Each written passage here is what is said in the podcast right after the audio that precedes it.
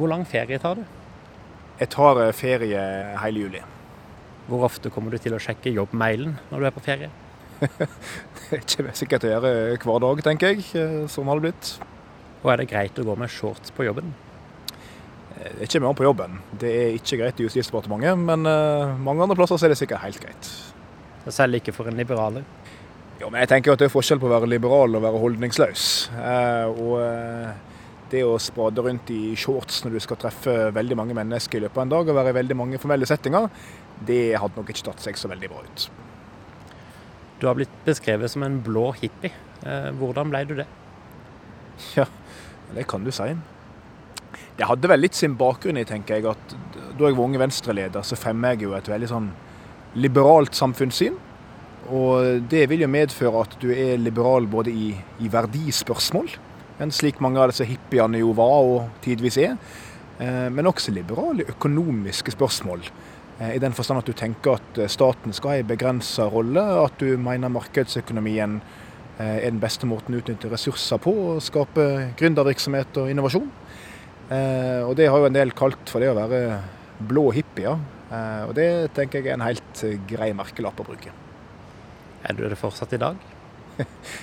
Ja, jeg er fortsatt liberal i alle fall. Eh, og jeg tenker at den skal være liberal både i verdipolitikken og den økonomiske politikken. Og sånn sett så føler jeg at jeg passer godt inn i, inn i Venstre. En hippie i dress passer nok godt inn i Venstre. Men hvor godt passer Sveinung Rotevatn inn i FrPs justisdepartement? Og hvordan kunne en liberal politiker som ønsker fri innvandring, jobbe under en sjef som snakka om å bli båret til landet på gullstol? For å få svar på det må vi først gå litt tilbake i tid, til da Rotevatn var frittalende leder for Unge Venstre og først fikk merkelappen blå hippie.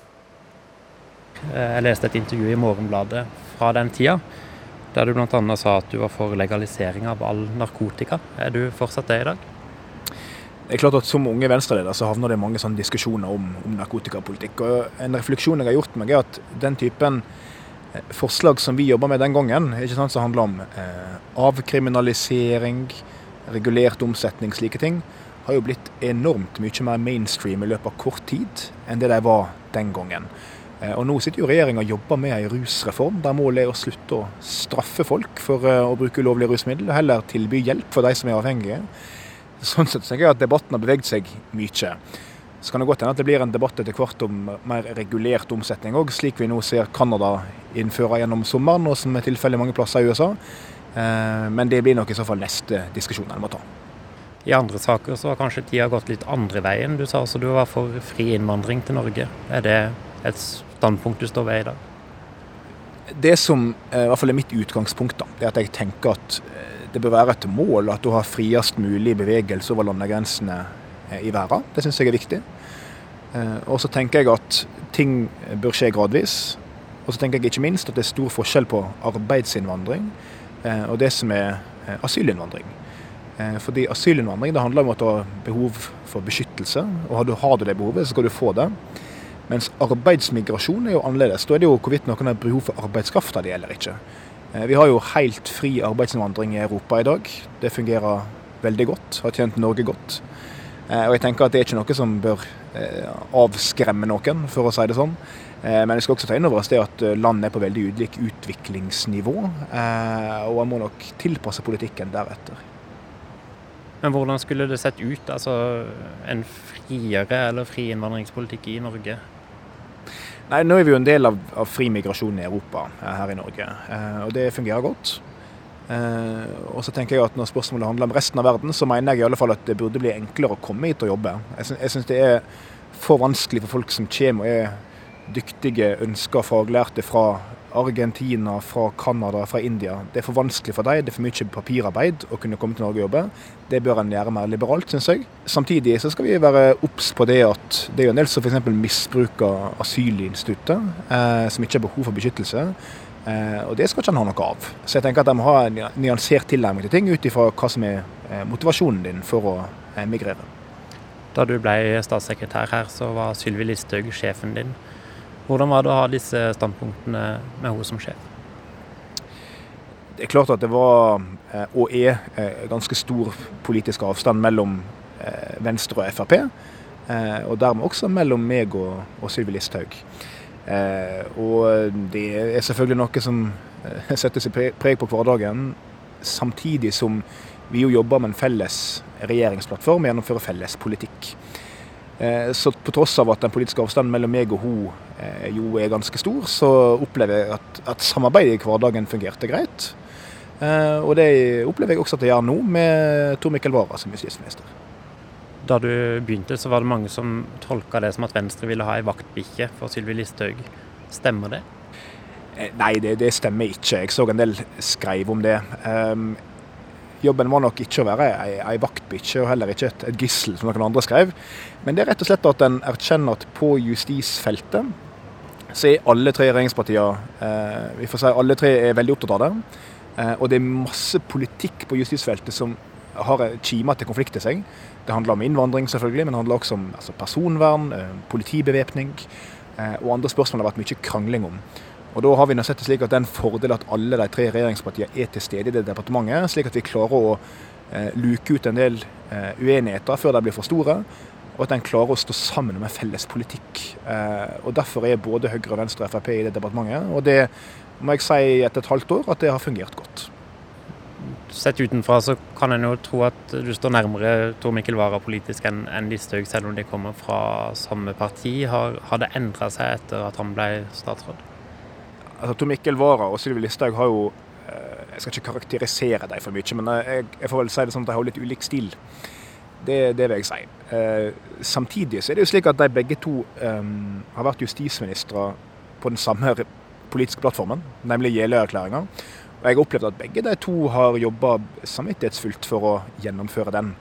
Eh, så det, det, kan nok være slik at forskjellen blir opplevd som større der ute enn det den gjør i departementet. Men uh, som sagt så hadde jeg og Syvi Listhaug fungert helt OK når vi jobba sammen i departementet. Og jeg opplever at samarbeidet med Tor Mikkel også er, er, er, godt. Hva slags makt vil du si at du har som statssekretær for Venstre i et Frp-departement? Det er jo slik, og det må være slik at det er statsråden som bestemmer eh, i et departement. Eh, så min rolle her er jo å gi min vurdering av spørsmål, gi mine råd. Eh, og så er det opp til statsråden om han vil lytte på dem eller ikke. Men i det norske regjeringsapparatet så er det jo slik at statssekretærer har en god del innflytelse. Ganske enkelt for derfor delegerte en god del oppgaver fra statsråden. Departementene er så store, og det ansvaret en forvalter er så stort at det er veldig vanskelig for en statsråd å gå inn i alt i detalj. Og Da blir det nok slik i hverdagen at veldig mye av det praktiske oppfølgingsarbeidet skjer eh, av oss som er statssekretærer.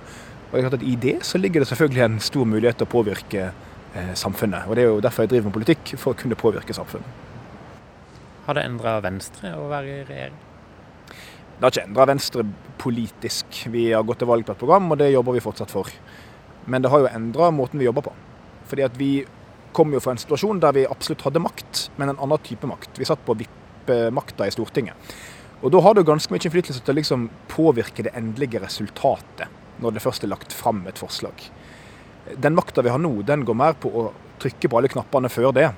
Ikke sant? Hva saker skal du legge fram, hva utvalg skal du sette ned, hva skal være regjeringa sin posisjon.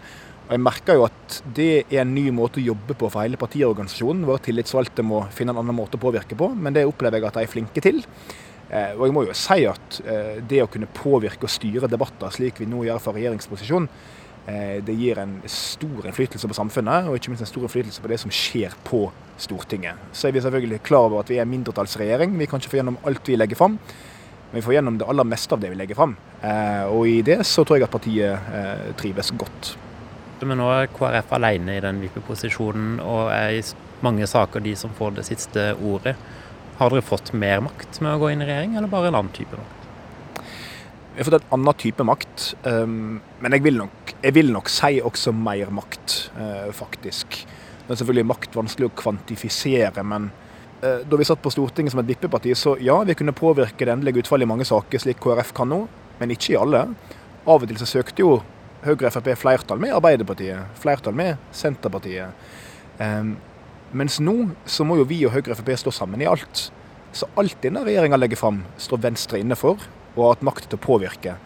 Så det betyr at vi samla sett nå er med å styre helheten mye bedre enn det vi kunne da vi satt i en vippeposisjon, og ja, kunne ha stor innflytelse i enkeltsaker, men der vi ble forbigått de andre. Så jeg må si at jeg syns vi setter mer venstrepreg på politikken, og dermed mer venstrepreg på samfunnet nå, enn det vi gjorde i forrige stortingsperiode. Da vi snakka med deg i fjor sommer, så sa du at du hadde drømmejobben. Da var du stortingsrepresentant for Venstre. Savner du det? ja, på mange måter gjør jeg jo det. Eh, det å være på Stortinget er en veldig sånn fri rolle. Du kan mene mye om mange ulike ting, og du jobber veldig selvstendig. Eh, og ikke minst så har du jo muligheten til å snakke på Stortingets talerstol, som eh, jo fyller en litt med ærefrykt hver gang. En skjønner at det er viktig det en gjør. Men det er jaggu noen fordeler med å være i departementet òg. Altså, nå sitter jeg mye tettere på saker gjennom hele løpet, ikke bare på slutten av livsløpet. Eh, og så har jeg masse flinke folk som jobber for meg. Ikke sant? På Stortinget så er de jo veldig alene, mens her så har du masse flinke embetsfolk som hjelper deg til å organisere hverdagen, til å finne fram politiske fakta og forhistorie. Eh, og ikke minst så kan du styre kalenderen din litt mer sjøl. På Stortinget så er du veldig sånn satt i det at du må være stedet, til stede eh, tidlig om morgenen for å sette møte, og så er det debatter gjennom dagen, og så vet du aldri helt når du må votere, men da må du være der. Så det å takke ja til å ta ulike møter, debatter, reise rundt i landet. Det er mye vanskeligere som stortingsrepresentant. Mens jeg har mye større fleksibilitet da, til å planlegge dagen min sjøl. Og på det rent personlige plan så er jo det selvfølgelig en stor fordel. Hvis vi snakker om eh, stortingsvalg og, makt for så vidt morgenen etter stortingsvalget, så visste du fortsatt ikke om du ble værende der eller ikke, og det endte med at du ikke ble gjenvalgt. Kan du beskrive hvordan det døgnet og de timene var? Ja, det, det, kan jeg for så vidt. Jeg var jo forberedt på at det, det, var veldig sånn uvisst det jeg gikk inn i. Fordi jeg satt på Stortinget for et fylke som bare har tre faste mandat på Stortinget, pluss et utjevningsmandat. Eh, og Det betyr at eh, har du en oppslutning som er under ca. 15 ja, så er det det utjevningsmandatet du er med og kjemper om. Og Der er det veldig mange faktorer som påvirker. Så jeg visste at dette kunne gå i alle retninger. Eh, det viser seg til slutt at vi mangler 151 stemmer eh, for at jeg skulle få det mandatet, gjenvinne det. Det sier jo noe om at hver stemme teller, tenker jeg. Det skal en være klar over. Eh, men det ble litt for få for meg den gangen her. Og det var jeg selvsagt veldig skuffa over. Eh, fordi jeg trivdes godt på Stortinget og var innstilt på videre innsats for Sogn og Fjordane. Slik skulle det ikke bli. Så jeg måtte jo da snu meg rundt og ta fatt på det jeg trodde var mitt nye liv. Så jeg satte i gang og skrev den masteroppgaven jeg ikke hadde fått skrevet i juss. Eh, tok ferdig juristutdannelsen. Fikk meg jobb i et advokatfirma. Eh, og noen få uker ut i det arbeidslivet der, så kom det en telefon om jeg kunne tenke meg å være statssekretær. Og Det er jo en sånn mulighet som en ikke kan gå fra seg, så jeg takka jo ja til det. Så jeg er glad for å være tilbake og nå jobbe med politikk. Men det er jo på en litt annen måte enn eh, slik det var jeg jobba da jeg var stortingsrepresentant for Sogn og Fjordane. Men jeg trives godt, altså. Det, det gjør jeg. Men var du klar for å legge politikken bak? Nei, Jeg var ikke klar for å legge politikken helt bak meg. Altså, jeg hadde jo lyst til å være med og engasjere meg i Venstre fortsatt, og det hadde jeg tenkt å gjøre. Men eh, jeg var forberedt på at jeg ikke lenger skulle være heltidspolitiker, og at jeg eh, måtte gjøre, et, eh, gjøre eh, litt andre valg. Eh, og jeg så for så vidt fram til det òg. Altså, det er jo mange fordeler med å ikke være heltidspolitiker, for å si det sånn. Men når muligheten nå kom om å gå inn i regjeringsapparatet, så takker jeg ja til den. altså. Og Jeg har ikke angra på det. Det har vært veldig givende, eh, veldig lærerikt. Eh, og jeg eh, gleder meg til å fortsette.